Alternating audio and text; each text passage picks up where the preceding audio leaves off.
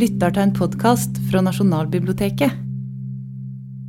Kan vi, siden det er det siste arrangementet denne sesongen om skillingstrykk, kan vi sette skillingstrykket litt?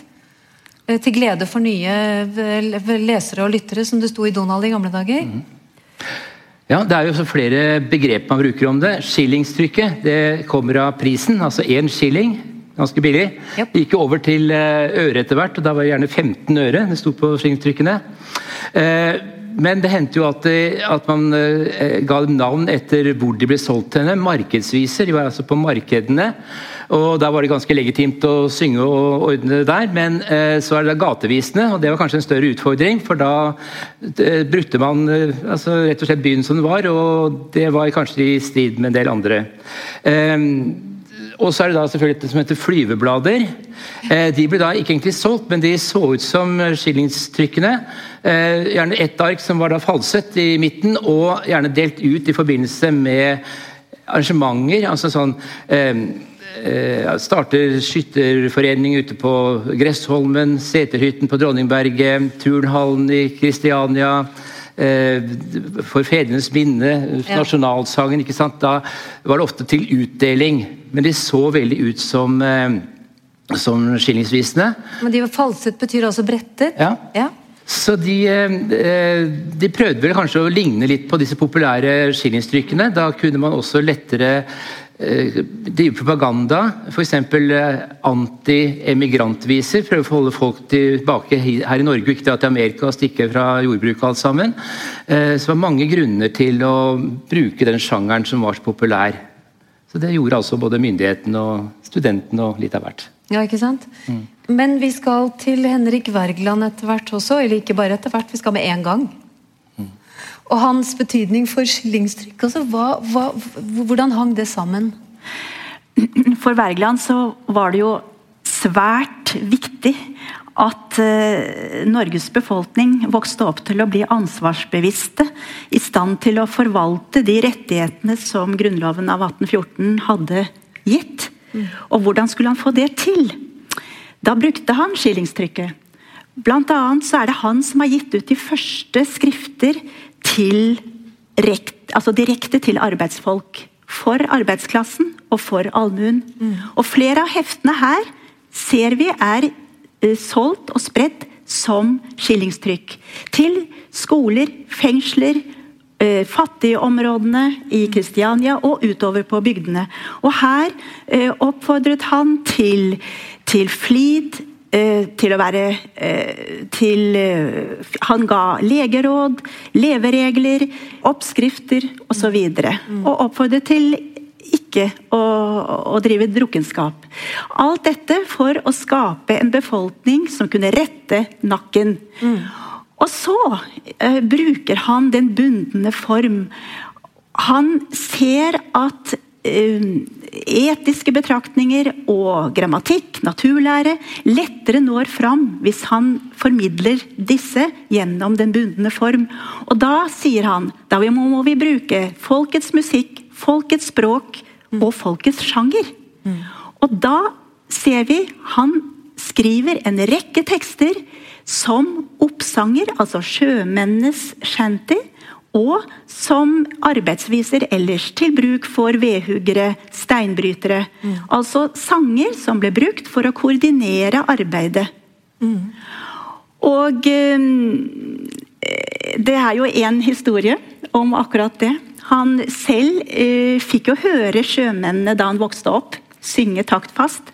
Og han hørte også at seinhuggerne jobbet utenfor huset hans. Og hvordan de sang lidderlige viser med små barn til stede som måtte være med og arbeide. Og så spør han eh, hvem har laget disse. Det har vi selv gjort, sa de, for vi har ikke noe annet. Men hvis jeg skriver en tekst, vil dere synge den da? Ja, det var greit. Og så skriver han 'Nisser og dverge'. Og publiserer teksten som et skillingstrykk. F.eks. sammen med en fedrelandssang. Som 'Det er min sjel en frydfull trang'. Og den eh, visa, altså 'Nisser og dverger', den ble brukt faktisk som arbeidssang så lenge mineboring ble gjort med hånd i Norge. Og rytmen i sangen kan man slå stein til. Nettopp. Mm. Og så videre da med disse sjømannssangene. Som han da skrev ganske mange av, og hvor han flettet inn andre aspekter. Nemlig ærbødighet for landet, en, et syn for den lengtende sjømannen langt unna Norge, og et blikk for hva som skjer ute i verden. Tre aspekter. Det lokale, nasjonale og det globale. Og hvem var det som spredte disse da, for ham? Ja, hvem var det? Det var f.eks. de guttene som kom opp i grotten hvor han bodde her i Kristiania. Kunstnerboligen, ja. Kunstnerboligen. Hver søndag åpnet han opp hjemmet sitt og sa at folk kunne få låne bøker. Da kom det gategutter også, og disse fikk da skillingstrykk i hånda. Og så sprang de rundt i gatene og så ropte de 'Varme wergelandske vafler'. Varme wergelandske vafler. Og det var altså varme fra trykkpressen. Og den konservative pressen de hadde hån overfor den slags eh, folkeopplysningsarbeid. Og skriver f.eks. om eh, Wergelands barfotede håndlangere. Nedlatende. Men eh, på denne måten så fikk han spredt tekstene. Han fikk eh, venner ute i befolkningen.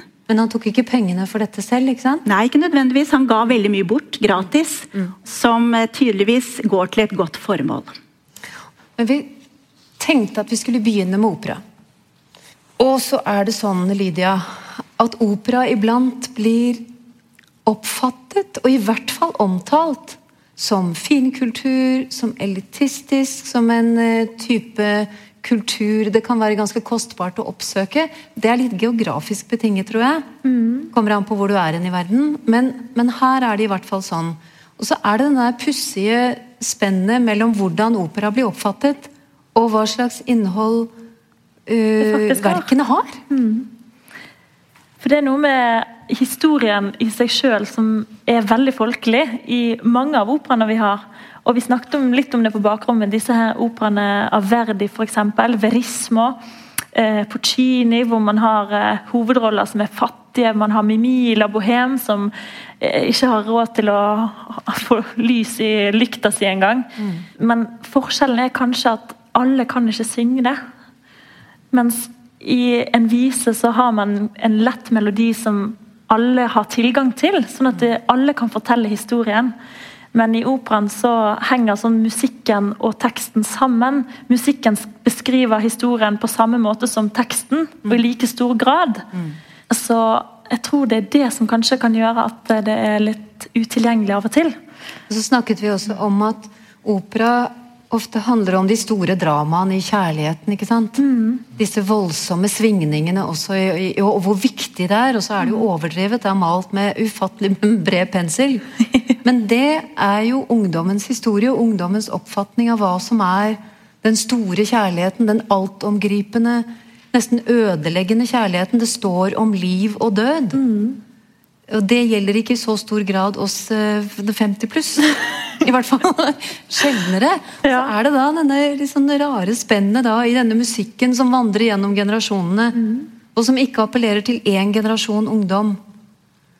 Men historiene gjør kanskje det. Og derfor tenkte vi på et stykke fra Figaros bryllup. Fordi Hvorfor det? Figaros bryllup eh, var veldig revolusjonerende fordi at det handlet om tjenerfolket. Det var de som hadde hovedrollene. Istedenfor at de bare løp rundt eh, disse kongene og dronningene eh, som vanligvis, bl.a. i barokken og sånn, hadde hovedrollene.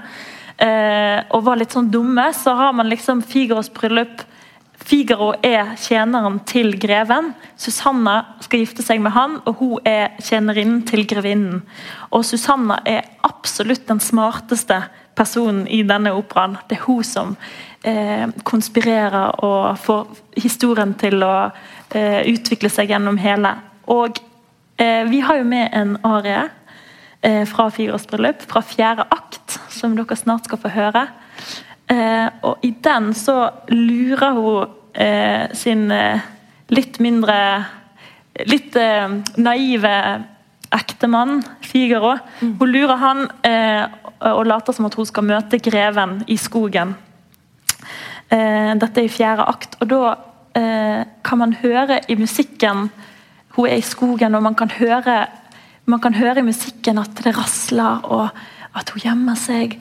Og eh, at på en måte musikken svarer eh, Når hun har sagt noe, så svarer musikken. Det får man kanskje ikke på samme måte i visene. Eh, og det er det som gjør at eh, jeg syns at opera er fantastisk, da. Må slå et slag på operaen. Vil du? ja. Vær så god. Og så klapper vi for pianist og nyeksaminert operarepetitør Olga Jørgensen.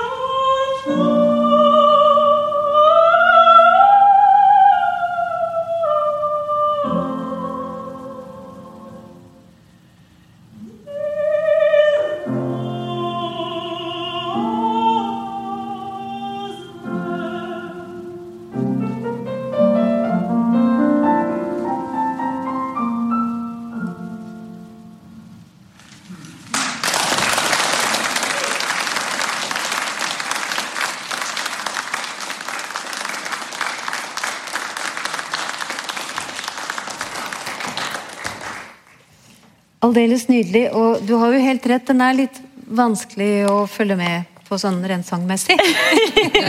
Hvis man skal tenke på at skillingsvisene er et allemannseie. Mm. Men så lurte jeg på dette med at uh, skillingsviser jo ofte er skrevet på kjente melodier. Teksten er viktig. Her er det fortellinger, her er det nyheter, her er det alle de tingene vi har vært innom. Mm. Uh, tidligere, som dere husker, balladen om Elvira Madigan og Sixten Sparre, og fortellingen om om uh, forliset med Tekla, for dere som har vært med på dette før. Så blir tekst Men hender det at du som operasanger når du står der og tenker at det er ikke alle her som skjønner italiensk eller kanskje tysk, at man glemmer et ord, og så kan du bare a litt eller jo? Jeg vil jo si at det, det, er lettere å komme unna med ting i operaen enn kanskje det er eh, når man synger en norsk vise for et norsk publikum. Ja. Um, det er ikke alle som forstår hvert eneste ord alltid i operaen. Um, så svaret er vel ja. du må jo lære ufattelig mye tekst. Ja, det må vi. Og um, en opera varer jo kanskje i tre-fire timer. Um, det er mye tekst å huske. Ja. Men nettopp fordi, i hvert fall sånn er det for meg, at nettopp fordi melodiene og musikken reflekterer så veldig tydelig hva som skjer i historien. Og vi har jo selvfølgelig gått gjennom teksten og lært det og forstår det, hvert eneste ord. Så er det ikke noe vanskelig å huske det når man står der, syns jeg, da. Men eh, det er jo i tillegg gammel italiensk, gammel tysk. Det er jo ikke det moderne språket heller, så det er ikke alltid italienere heller forstår. Men følelsen er der. Og Men de kan vi skjønne, og de er universelle. Ja. Wergeland skrev på altså Bunnen form gjør at det er lettere å huske. Mm. Og musikaliteten i tekst trenger iblant en bunnen form for at man skal kunne mm. huske hva som kommer i neste rekke. Det blir en sånn eh, slags hjernedrodling mm. rundt musikk. Jeg har lyst til å fortsette litt der vi slapp med arbeidssangene.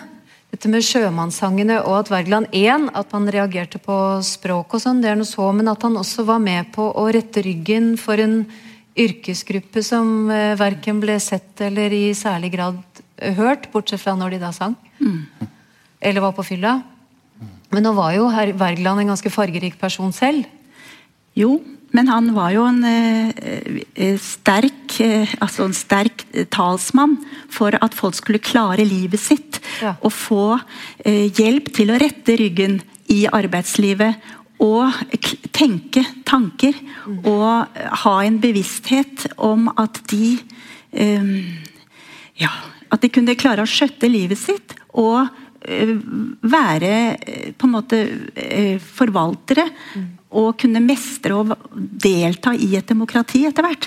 Og da og ønsket han jo at bøker skulle falle som lysende regn over fattig og rik. Og bidra jo i sitt korte liv ufattelig intenst for å få dette til. Mm. Og i en tid hvor eh, innsamlere ikke hadde festet oppmerksomheten på sjømennenes sang, verken som folkloristisk materiale eller som litterær form, så gjør Wergeland det. Han selv forsøker å samle inn, og han lager faktisk den første visebok for sjømenn i Norge som dertil har notetrykk bak, og det var det ikke vanlig på denne tida. Nei. Og så løfter han opp sjangeren fra å være ringaktet til å få eh, en kunstnerisk eh, verdi. Ja. Og alt sammen er jo for at folk eh, Sjømennene skal kunne synge sangene altså Det var jo ofte at de bare sang om og om igjen, samme strofe. Men han ønsket at de i tillegg til at de skulle ha en arbeidssang, skulle de få et innhold. De skulle lære noe om land ute i verden, mm. om hva friheten innebærer. Mm. F.eks. kunne han si noe så spesielt i en, en sjømannssang. Eh, ja, heller frihet uten flesk. Sing salio. En fet Sing salio? Sing salio, mm. det var omkvedet. en fet og smørret trelldom besk. Ja. Altså, hvis rikdom fører til tap av selvråderetten, da er den ikke verdt noe. Og dermed er jo dette også nasjonsbygging. Ja, det er det der. Eh, han, altså, Wergeland hadde en idé om at han skulle komme hjem fra sine lange arbeidsdager og sette seg utenfor sine rødmalte stuer og lese til sola gikk ned. Eh, og Han hadde en vakker visjon for det hele. og når han da, som Anne Jorunn fortalte, eh, spurte seg sjømennene om har de ikke noe annet å synge, ja, de måtte de smidde jo visene sine selv, så da ble det jo sånn. Og da mente jo Wergeland at selv om hjernen hadde altså, kom opp med dette her, så burde ikke det se ut som en svinesti. Så han skulle liksom ha bukt med den åndske, eh, den, svinske åndsfattigdommen og, og, ordne opp, eh, opp det hele. Um, han bare tenk på også dette her at det ligger et innhold i disse visene, f.eks. 'Nisser og dverger'. Eh, så er det jo et, eh, en kamp mot eh, overtro. da, i denne sammenhengen her. Nisser og dverger ble på en måte mint ut av bergene. De fant nå ut hva som var inni i fjellet, fordi nå fikk man etter hvert sprengstoff og måter å hakke seg gjennom på. og da så man at Det var ikke noe der allikevel, så man tok jo bukt med det. så det er å modernisere mennesket samtidig. Mm. Og også, Du skal kreditere Wergeland fordi at han gikk jo så godt inn i dette her at han skjønte systemet med at eh, disse shantiene de var gjerne sånne eh, sånne som man brukte når man dro ankeret opp eller firte ned. Hvorfor heter shanti? Ja, det er et engelsk ord, vel? Eh, det kommer sang, gjør ikke det? Ja, ja, samme som chanson. Ja. Ah. Mm, ja. Mm. Så ehm, eh, Der var det ofte da at eh, man måtte eh, samkjøre kreftene, og spesielt altså at man skulle gjøre momentene på samme tid. Det ser man enda litt mer av i steinarbeidene, hvor man da enten skulle bakse stein sånne hiv, H og sånt noe. Alle kom inn på H. Så det var veldig viktig å bruke den teknikken da, som ofte omkvedene ga, eh, når man skulle ta i. Og Hvis alle tar i samtidig, samme sekund, så får man så gjort eh, flytta på svære steiner som jeg ellers ikke ville. siden de tok ja. litt der Og der. Ja. Og pluss kanskje ja. Eh, altså Rytmen beskytter deg mot arbeidsulykker? Eller? Ja, det var det andre ting, for det tenkte jeg å komme inn på. Det hadde, altså, Nisse og dverger er jo en sånn steinhuggersang. og Da var det en, en jevn rytme. Den sto gjerne med sånn tremanns postboring. En satt og, holdt den der feiselen og snurra rundt. Og hans fingerforsikring. Han satt der og gapte og sang som bare rakkeren. For at de der to som sto og slo annenhver gang med slegga, ikke skulle treffe fingrene. Dette med at Wergeland øh, skrev for øh, f.eks. sjømenn og for andre yrkesgrupper, og hadde gateguttene hjemme hos seg på søndager, alt dette her, betydde jo at han må ha hatt en stor tiltro til sine medmennesker på tvers av samfunnslag. Og det er jo det som er overbygningen denne kvelden. Altså bindeleddet, limet mellom samfunnslagene. Som vi også finner i, i skillingsvisene og hos Bergland. Mm. Helt opplagt. Mm. Altså, han eh, trodde at når vi ble presentert for det, gode de gode og de gode forsettene, så vil vi på en måte eh, tilegne oss det. Han hadde veldig stor tiltro til menneskenes evner. Mm. Og, og også ja, læreevne og skjønnhetslengsel. Og disse sjømannssangene er, er, jo veldig interessante å studere, fordi de var jo helt nødvendige om bord på et skip for å få opp ankeret. Mm. Altså det var et blodslit, og, og, det måtte koordineres, ellers så ville de ikke få det til. Og Da var det denne shantymannen som sang foran, og så gjentar da sjømennene omkvedet. Og det at han ga det meningsbærende tekster, som ga ord til deres egen lengsel, mm. og deres egen kanskje trang til kunnskap, betydde noe. Og det er bevist at disse, eh, av internasjonale shantysamlere at Wergelands shantyer ble brukt. Ja, for det tenkte jeg å spørre om. Ble de brukt, ja. eller bare lot de som Nei, de ble brukt. Ja, og det er nylig så oppdaget jeg at en av melodiene han særlig ofte brukte, den synges Jeg hørte den sunget av en uh, mannsgjeng i Vancouver. Oi. Det var fantastisk. Ja. Da skjønte jeg at det var altså, et uh, materiale som han selv må ha hørt, og som han fanget opp. Og han kunne til og med skrive noter, så han så dette her er et, et nybrottsarbeid. Ja, ikke sant? Skal vi høre en av disse? Ja. Som heter 'Siste reis', som mm. Lydia skal eh, gjøre for oss. Mm. Det er jo da en um, sjømannsvise som Wergeland skrev. Det fins et skillingstrykk trykt på Oppfostringshusets boktrykkeri. Og Det kan tyde på at han fikk solgt det til inntekt for dette oppfostringshuset. Det er typisk. Som Ja. kan ha vært et barnehjem eller en Weissenhaus, er ikke det? Ja. Mm. Kongens gate 5. Og denne skrev han i februar 1845. Han var dødssyk. Ja. Og det er gripende, synes jeg, at han da nærmer seg sin egen død som en shantymann i denne både gjennom medieskillingstrykk, som ikke alle respekterte, og gjennom formen shanty, som slett ikke alle respekterte. Nei. Og så skriver han da denne teksten, som eh, senere eh, Eivind Alnes tonesatte, og som i min oppvekst alltid ble sunget på mandagskvelden i Ønskekonserten. Altså Han løfter det fra en sjømannsvise til en allmenngyldig tekst om å nærme seg livets slutt. Og hva har du i lasten? Hva er ballasten din? Hva er det for slags verdier du har med? Hva er det som egentlig betyr noe? Du kan ingenting ta med deg når du går. Siste reis. Men det kan hende du kan møte noe igjen, som det står. ja.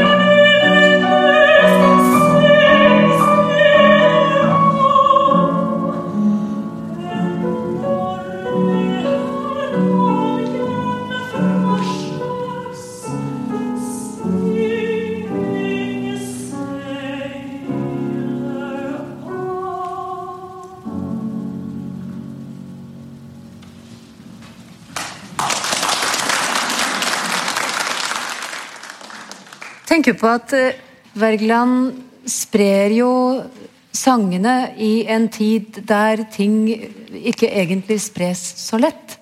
I hvert fall ikke sammenlignet med, med hvilken tid vi lever i. Men dette, det ene er jo skillingstrykk. altså Flygeblader, skillingstrykk ut på gatene, gateguttene som du fortalte om han gjorde, og sånn, men også sjømannssangene som dermed forlater havna og drar ut i verden.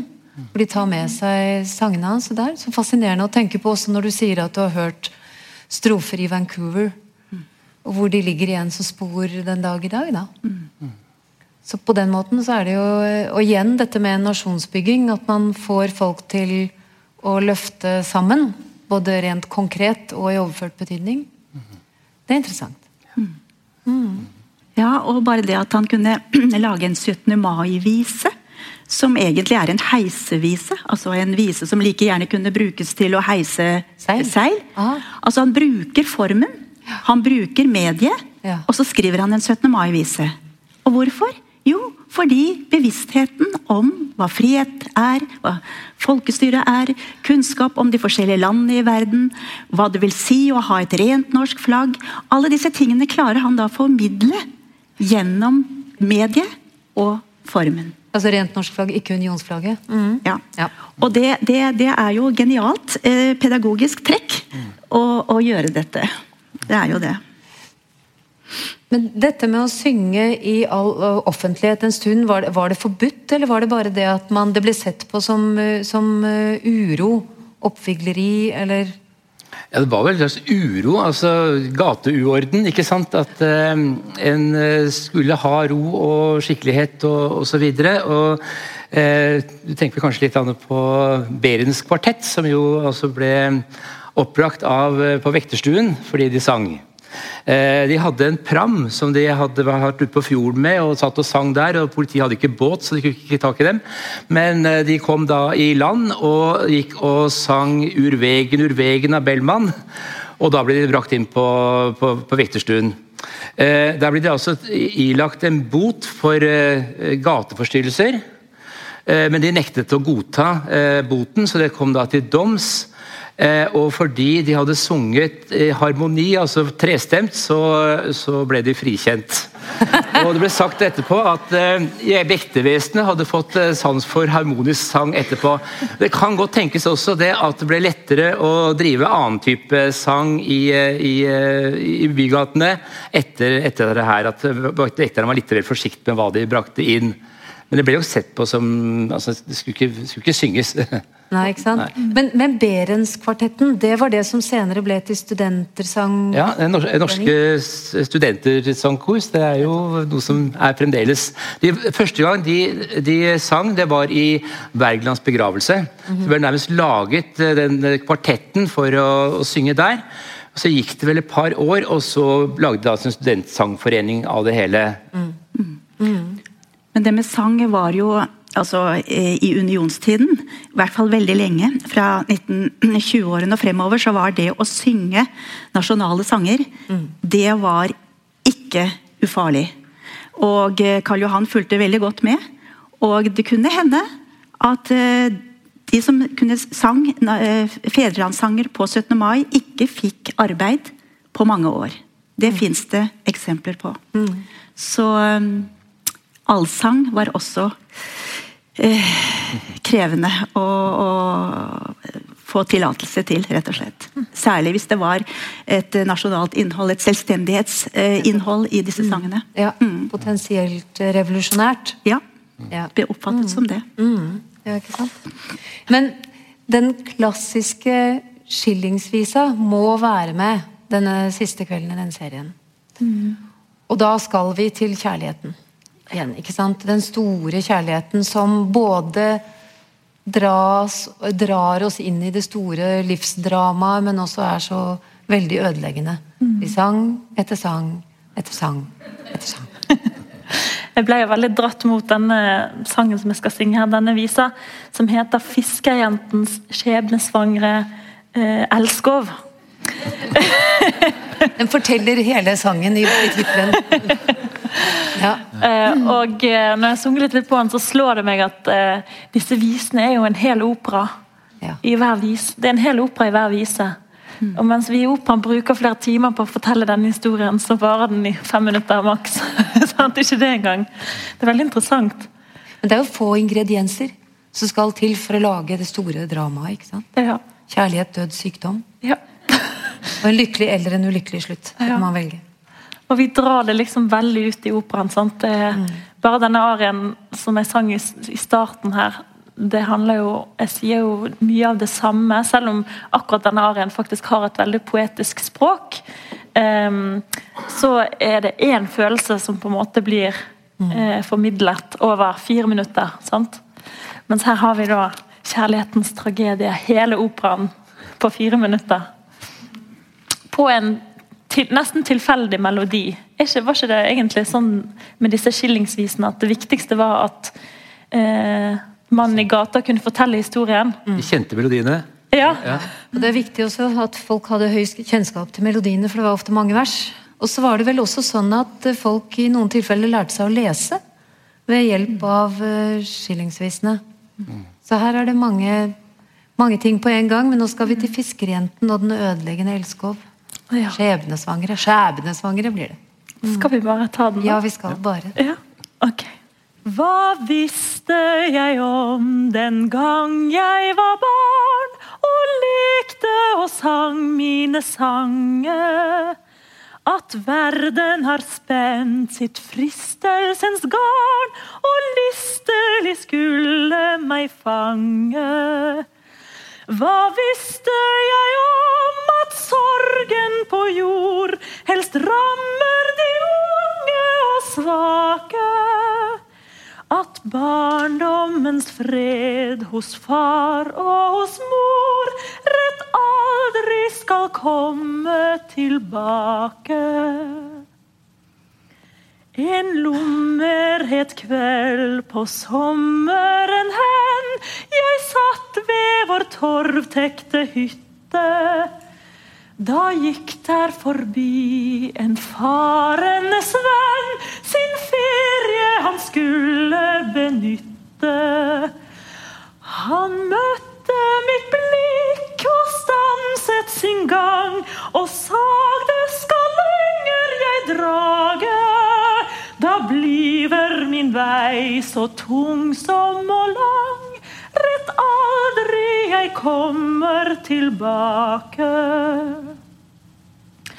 Min far bød ham inn, og ei at for små var fattig folks kår kunne byde. Den fremmede takket lot oss forstå vederlag ville han yte. Han sto der så smukk og stolt som en prins. Hans blikk fikk mitt blod til at jage. Hin aften jeg alltid, alltid vil minnes. Rett aldri den kommer tilbake. Og akkurat her ville det vært eh, pause i operaen. De har akkurat møttes. Hun har forelska seg. Hva vil skje nå? Og så må hun ut i foajeen og ta et glass vin og fordøye det som har skjedd. Det er ganske mye som har skjedd allerede. Så kommer eh, på en måte finalen i denne visa, syns jeg. Hin aften han kom i kammeret inn, en stund jeg alene var hjemme. Han satte seg ned og dåret mitt sinn og lokket med hviskende stemme. Jeg føyet hans vilje, makter deg at nekter han ham å tage. Og det er akkurat her det ikke passer med denne muntre melodien. Så da ville jeg heller gjort Om morgenen drog han atter sin vei, rett aldri han kommer tilbake. Og da har det gått kanskje 20 minutter, halvtime i denne ute i operaen. Vi har fått et par scener i denne lille verset her.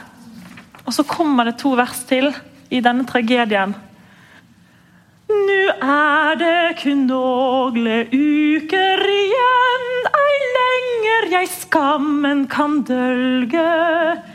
til sladderen går, og hvor jeg vil hen, de hånlige blikket meg følge. Min mor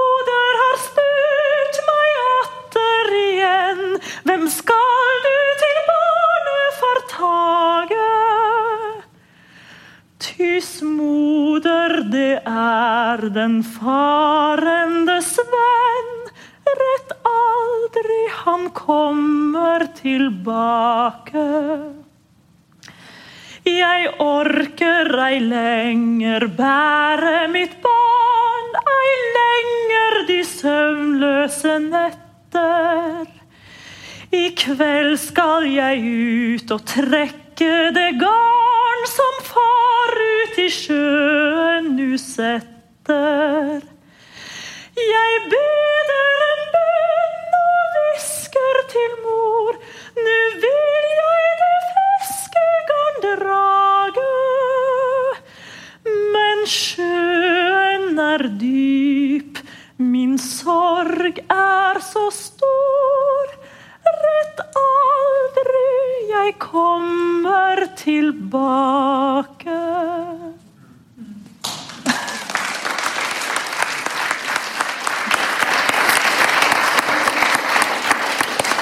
For det er veldig trist. Det er så trist.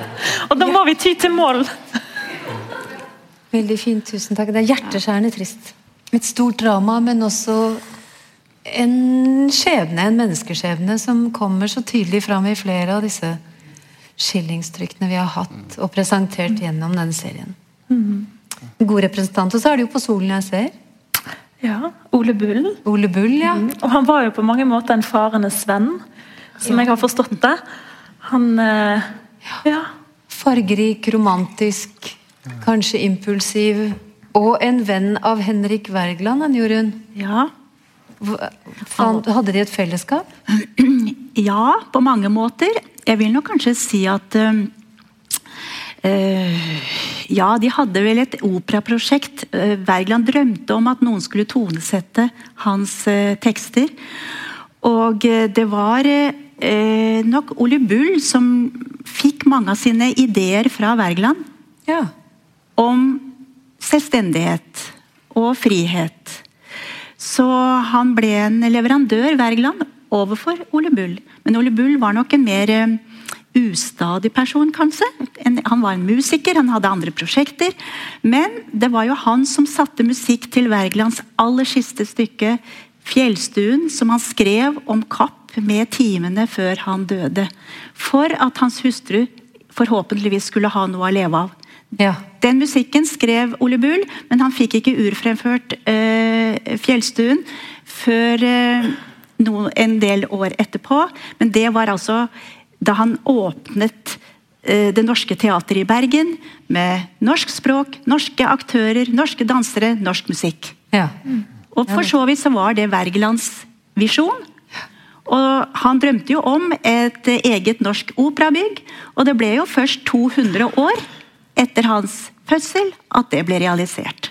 Og dermed skjønner du jo veldig godt hvorfor du er med her i kveld. Ja. Og da syns jeg at vi skal bevege oss mot eh, det vi kaller nasjonalsangen, som er nasjonalsangen, men som ikke er nasjonalsangen. Og hvorfor er den ikke det? Altså, Du tenker vel på forhistorien Ja, tilblivelsen? tenker-? Ja, tilblivelsen. Men, men først forklaring på det jeg sier, med at den ikke er Offisielt vedtatt. Nettopp. Den er ikke en offisielt vedtatt nasjonalsang. Nei. Og det er litt uh, morsomt. Ja. Så hvordan ble 'Ja, vi elsker' til? Det er en lang og kompleks historie. vi Jeg skal forsøke å gjøre den kort. Eh, eh, Bjørnson han reviderte sin egen tekst. Han eh, holdt på med den i Bergen, jeg nevnte Bergen, da han var der. Og eh, antageligvis så ville han smette den inn i bondefortellingen Arne, som er en fortelling om nasjonsbygging. Dypest sett så kommer Bjørnson til Kristiania. 1.10.1859 så kan man i Aftenbladet på forsiden lese en artikkel og et dikt. Usignert. Artikkelen appellerer til at eh, Stortinget som nå skal komme sammen, må hegne om Norges selvstendighet. Diktet er et eh, dikt til kongen, unionskongen Karl 15. Det er første trykte versjon av Ja, vi elsker. Eh, på seks strofer. Ja. Det Bjørnson her gjør, det er altså et politisk leilighetsdikt, hvor han fremstiller kongen som en som er grensevakt, og som vil hegne om freden mellom Sverige og Norge. Bak lå en stattholderstrid, nemlig at eh, eh, svenskene ønsket at en svensk representant for kongehuset skulle styre i Norge. En, en visekonge eller en stattholder. Sant? Det ville ikke det norske stortinget som nå kom sammen. Kongen falt Norge i ryggen. Så det ble ikke noe av dette som nordmennene ønsket. Så gikk det noen år. I 1863 kunne man 20. desember lese det samme diktet, men nå var det sju strofer. Og de sju strofene de kan man se på det lille trykket som dere har fått i dag eh, der nede. Det er rett og slett Dette? et skillingstrykk som vi plutselig oppdaget inneholder norsk fedrelandssang med sju strofer, nøyaktig de samme strofene som sto på trykk i Illustrert nyhetsblad 1863. Og hva er nå bakgrunnen? Jo, det er striden mellom Tyskland og Danmark om Schleswig-Holstein. Bjørnson har nå dreid oppmerksomheten fra selvstendigheten over på samholdet. Og i denne versjonen har han satt inn to nye strofer. Den ene strofen handler om de hårde tider. Den andre har et aspekt som er helt usedvanlig i nasjonalsangsammenheng. Nemlig at fienden sitt våpen kastet, og når du løfter opp visiret på hjelmen, så kan du oppdage at han du definerte som din fiende, er din bror. Så sier han at nå skal vi stå tre brødre sammen i Norden. Og det er helt usedvanlig at en slik empati, en slik solidaritetstankegang og at skamfølelsen er inkludert, drevne frem på stand av skammen, gikk vi søder på. Så, så, skil, så dermed skiller uh, Ja, vi elsker seg fra en del andre nasjonalsanger ved at den så sterkt betoner at vi har noe galt kanskje i his, vår historie. At vi har noe vi må innse vi har gjort galt. Noe vi kan skamme oss over. Veldig interessant. Og så ser man på dette trykket at det står melodi av Richard Nordrock. Følgelig så må denne visa ha blitt trykt etter 1863 og etter 17. mai 1864. For da ble sangen urfremført med Nordrocks tonesetting under grunnlovsjubileet. Det var første gang mannskoret sang fra Søylehallen foran universitetet. Og den tradisjonen er ubrutt, bortsett fra under krigen. Så denne, dette trykket, som er så interessant, må altså være fra slutten av 1860-tallet. I 1870 så kommer da den siste versjonen fra Bjørnsons hånd, og da har det kommet åtte strofer på trykk. Og den strofen som da kommer inn igjen, det er en som var i den aller første versjonen, og som på en måte har overvintret i korheftene. Så det betyr at sangen har blitt spredt gjennom korsang og gjennom skillingstrykk, og at gateguttene begynte å plystre melodien med en gang. Oh ja. Så på et blunk så var det folkets eget valg. Det var populariteten som gjorde den til nasjonalsangen. Nettopp. Og, men den er den, den ble altså spredd på et skillingstrykk. Vi tenkte at vi avslutter her i kveld med å synge hele greia.